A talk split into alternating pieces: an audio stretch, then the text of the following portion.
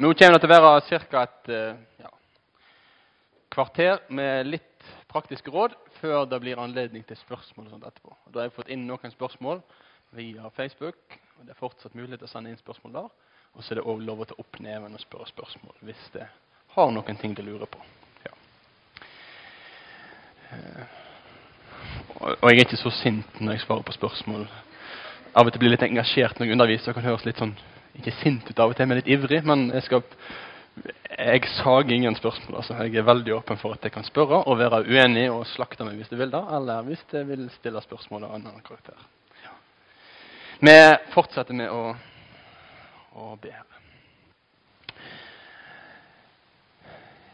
Herre, nå ber vi deg om at vi igjen må få finne roen og kunne tenke sammen om hvordan vi på best mulig måte kan få legge til rette for at du får møte oss gjennom ditt ord.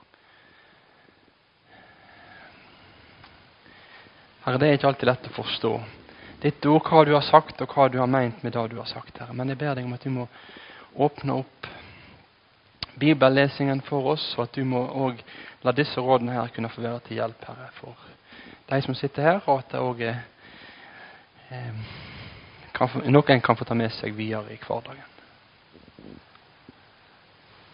Vi ber om at du er ved din ånd, og at du veileder og gir oss visdom til å stille spørsmål og til å svare på spørsmål i samsvar med ditt ord nå etterpå.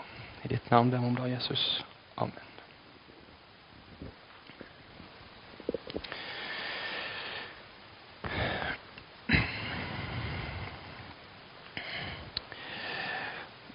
Men eh, hvordan kan jeg egentlig forstå Bibelen?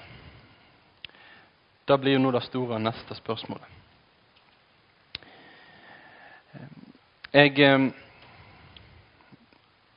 prøver ikke å bagatellisere i forrige time da at det er vanskelig å forstå Bibelen. Noen tekster er mye mer krevende enn andre tekster. Noen tekster er mer lettfordøyelige enn andre. Men det jeg prøvde i forrige time, det er bare å få dratt dere inn i den den virkeligheten at Gud han har sagt det som står i Bibelen.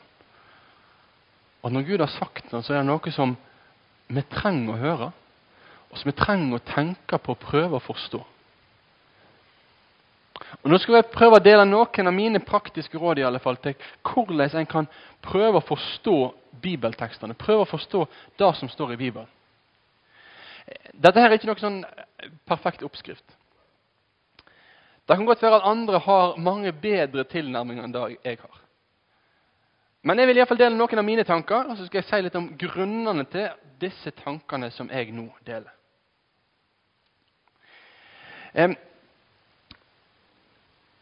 Det er vel seks eller sju ulike råd.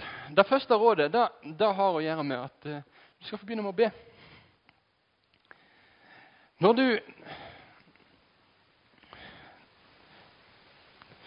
Når du leser Bibelen, når du ber til Gud, så er ikke det sånne her to vidt adskilte aktiviteter. Kan av og til bli det litt sånn, liksom, Enten så, så ber en, eller så leser en i Bibelen. Men jeg tenker at egentlig så skal dette få gå hånd i hånd. Kan av og til snakke om det i kristenlivet. sant? Så, så kan bønnen få være der jeg puster ut til Gud. Og så får Bibelen derfor være der så han fyller meg med sitt ord, sitt oksygen, det som gir meg liv. Så vet vi da at hvis jeg bare går rundt og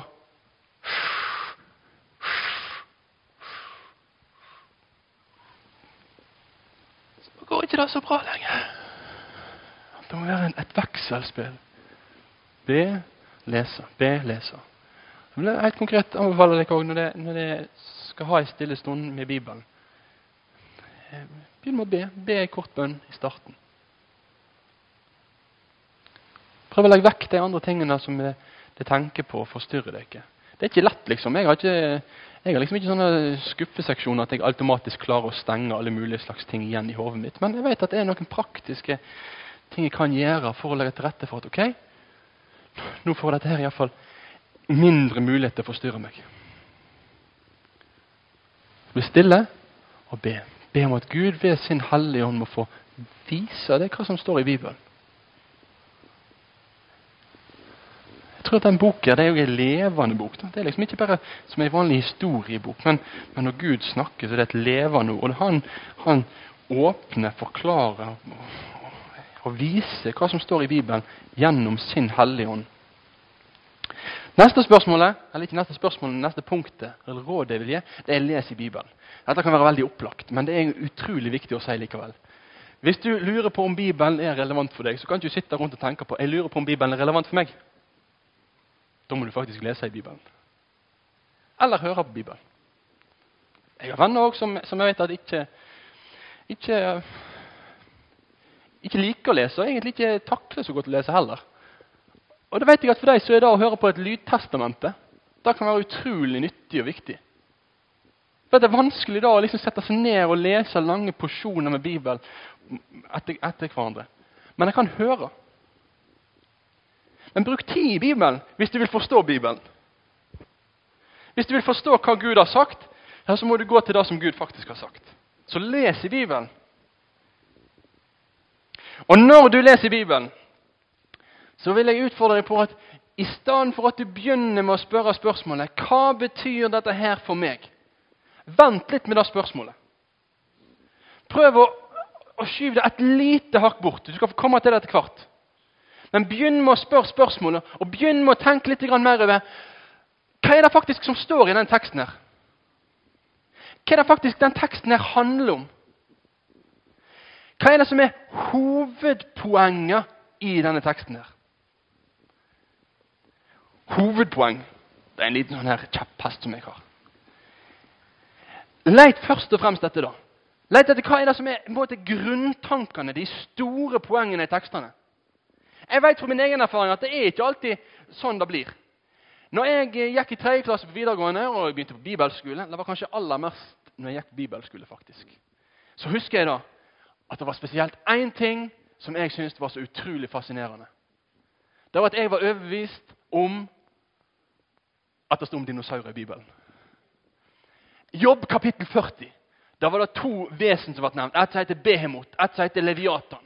Og Jeg var liksom så opphengt i beskrivelsen av disse vesenene. her. Alle detaljene om hvordan scenene og scenefestene til disse dyrene her var. Og Jeg kunne liksom beskrive, jeg kunne sikkert tegne et dyr hvis du hadde spurt meg hvordan ser dette her dyret ut. Jeg kunne sikkert tegne det. Problemet var jeg hadde ikke forstått poenget. Gud ville ikke gi Jobb en naturvitenskapsbok i det kapittelet. Han ville si til Jobb Jobb, jeg har skapt dette her. Jeg er større enn dette her. Jeg har kontroll. Jeg ser lenger enn det du gjør, og det disse dyrene her gjør. Jeg er Gud. Men for Ingvald så var det helt vekke. For jeg var så opphengt i scenefestene til denne flodhesten eller denne dinosauren. Hvorfor sier jeg dette? Jo, jeg sier det rett og slett fordi jeg vil utfordre deg til å prøve å se hva er det som er hovedtankene, hovedpoengene, når jeg leser Bibelen. Kanskje det kan også gjøre det lettere når vi står overfor alle disse bibeltekstene der det er en haug med ting vi ikke forstår. Der det er mye som er vanskeligere å forstå. Så kan jeg se at okay, kanskje dette her dette er noe av de overordnede tankene. Og når jeg kommer tilbake til den teksten her, kanskje om et år, kanskje om fem år, kanskje om ti år, kanskje jeg da forstår litt mer og litt mer og litt mer. Detaljene er ikke uviktige. Men hovedpoengene er mye viktigere. Det er de faktisk.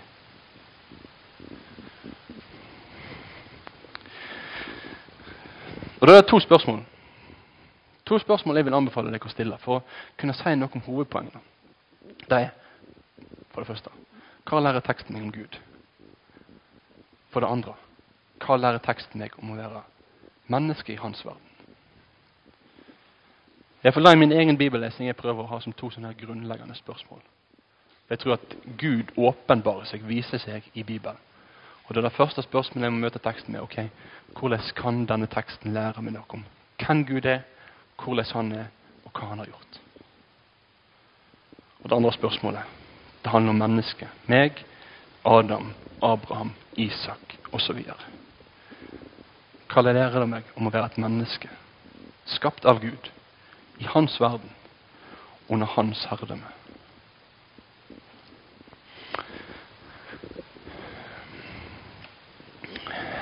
Neste punktet mitt. Hvordan henger det som står om i teksten, sammen med det som står Det skal være en R før og etterpå. Prøv å lese tekster i sin sammenheng. Les kapittel. Fortsett med neste kapittel.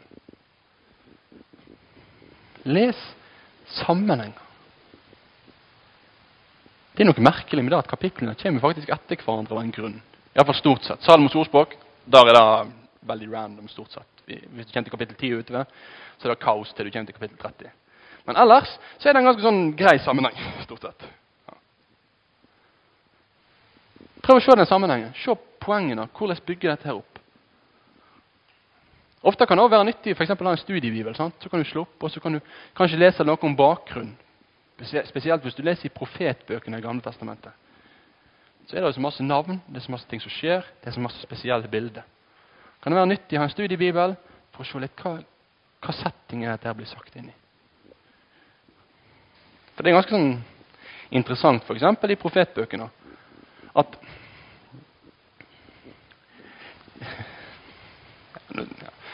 Nå tar jeg et lite sidespor, men jeg må bare få sagt det. Ja. Det kan ta hvile ørene det som ikke vil høre sidesporet. Ett minutt. Det som vil følge med, kan gjøre det. Det er ganske interessant å merke seg at i Jeremias bok Jeremia han lever rundt 586 før Kristus. Litt før, litt etterpå. Så beskriver han eller så beskriver den boken noen sanne og noen falske profeter. Jeremia han er en av de sanne profetene, og de sanne profetene sier i Jeremias bok alt kommer til å bli lagt i grus. Det går galt. Nå, nå kommer babylonerne. De kommer til å innta dere. Det går nedover. De falske profetene de sier nei, det går bra. Fred. Det blir fred. Hvis vi hadde gått 150 år tidligere i tid, så hadde vi hatt Jesaja som levde. Og når han skrev, så kan vi se at han hadde et budskap om fred som veldig ofte kom fram. Poenget var at det ble sagt inn i en annen setting, en annen sammenheng, i en annen tid.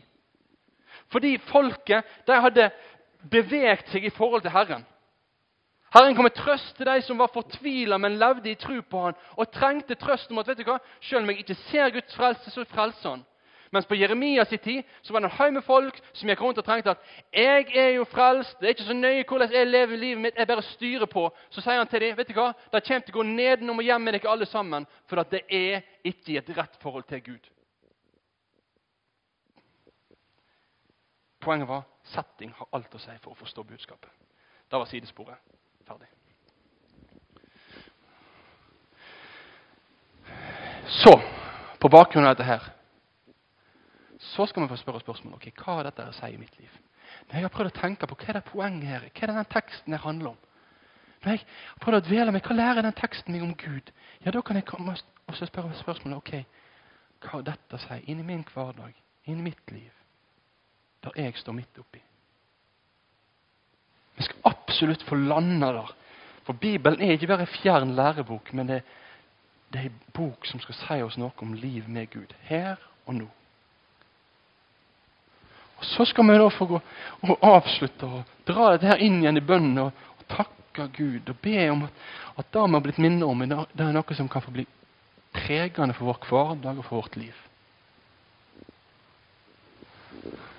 Så disse seks punktene her, det er for noen råd som jeg tenker at jeg vil gi dere. Råd som for meg i alle fall er nyttig. At Når jeg leser i Bibelen dette og har bedt, kan få begynne med å spørre hva er det den teksten her faktisk handler om. Sånn at ikke jeg bare stopper opp for de tingene som jeg er ute etter eller har lyst til å lese. Men faktisk kan kanskje stoppe opp for de tingene som jeg ikke har så lyst til å lese som er krevende å lese. Som kan være vondt å lese. Så går jeg derifra til å ta det inn i mitt liv, inn i min hverdag. Og ber om at Gud må få bruke ordet videre i mitt liv.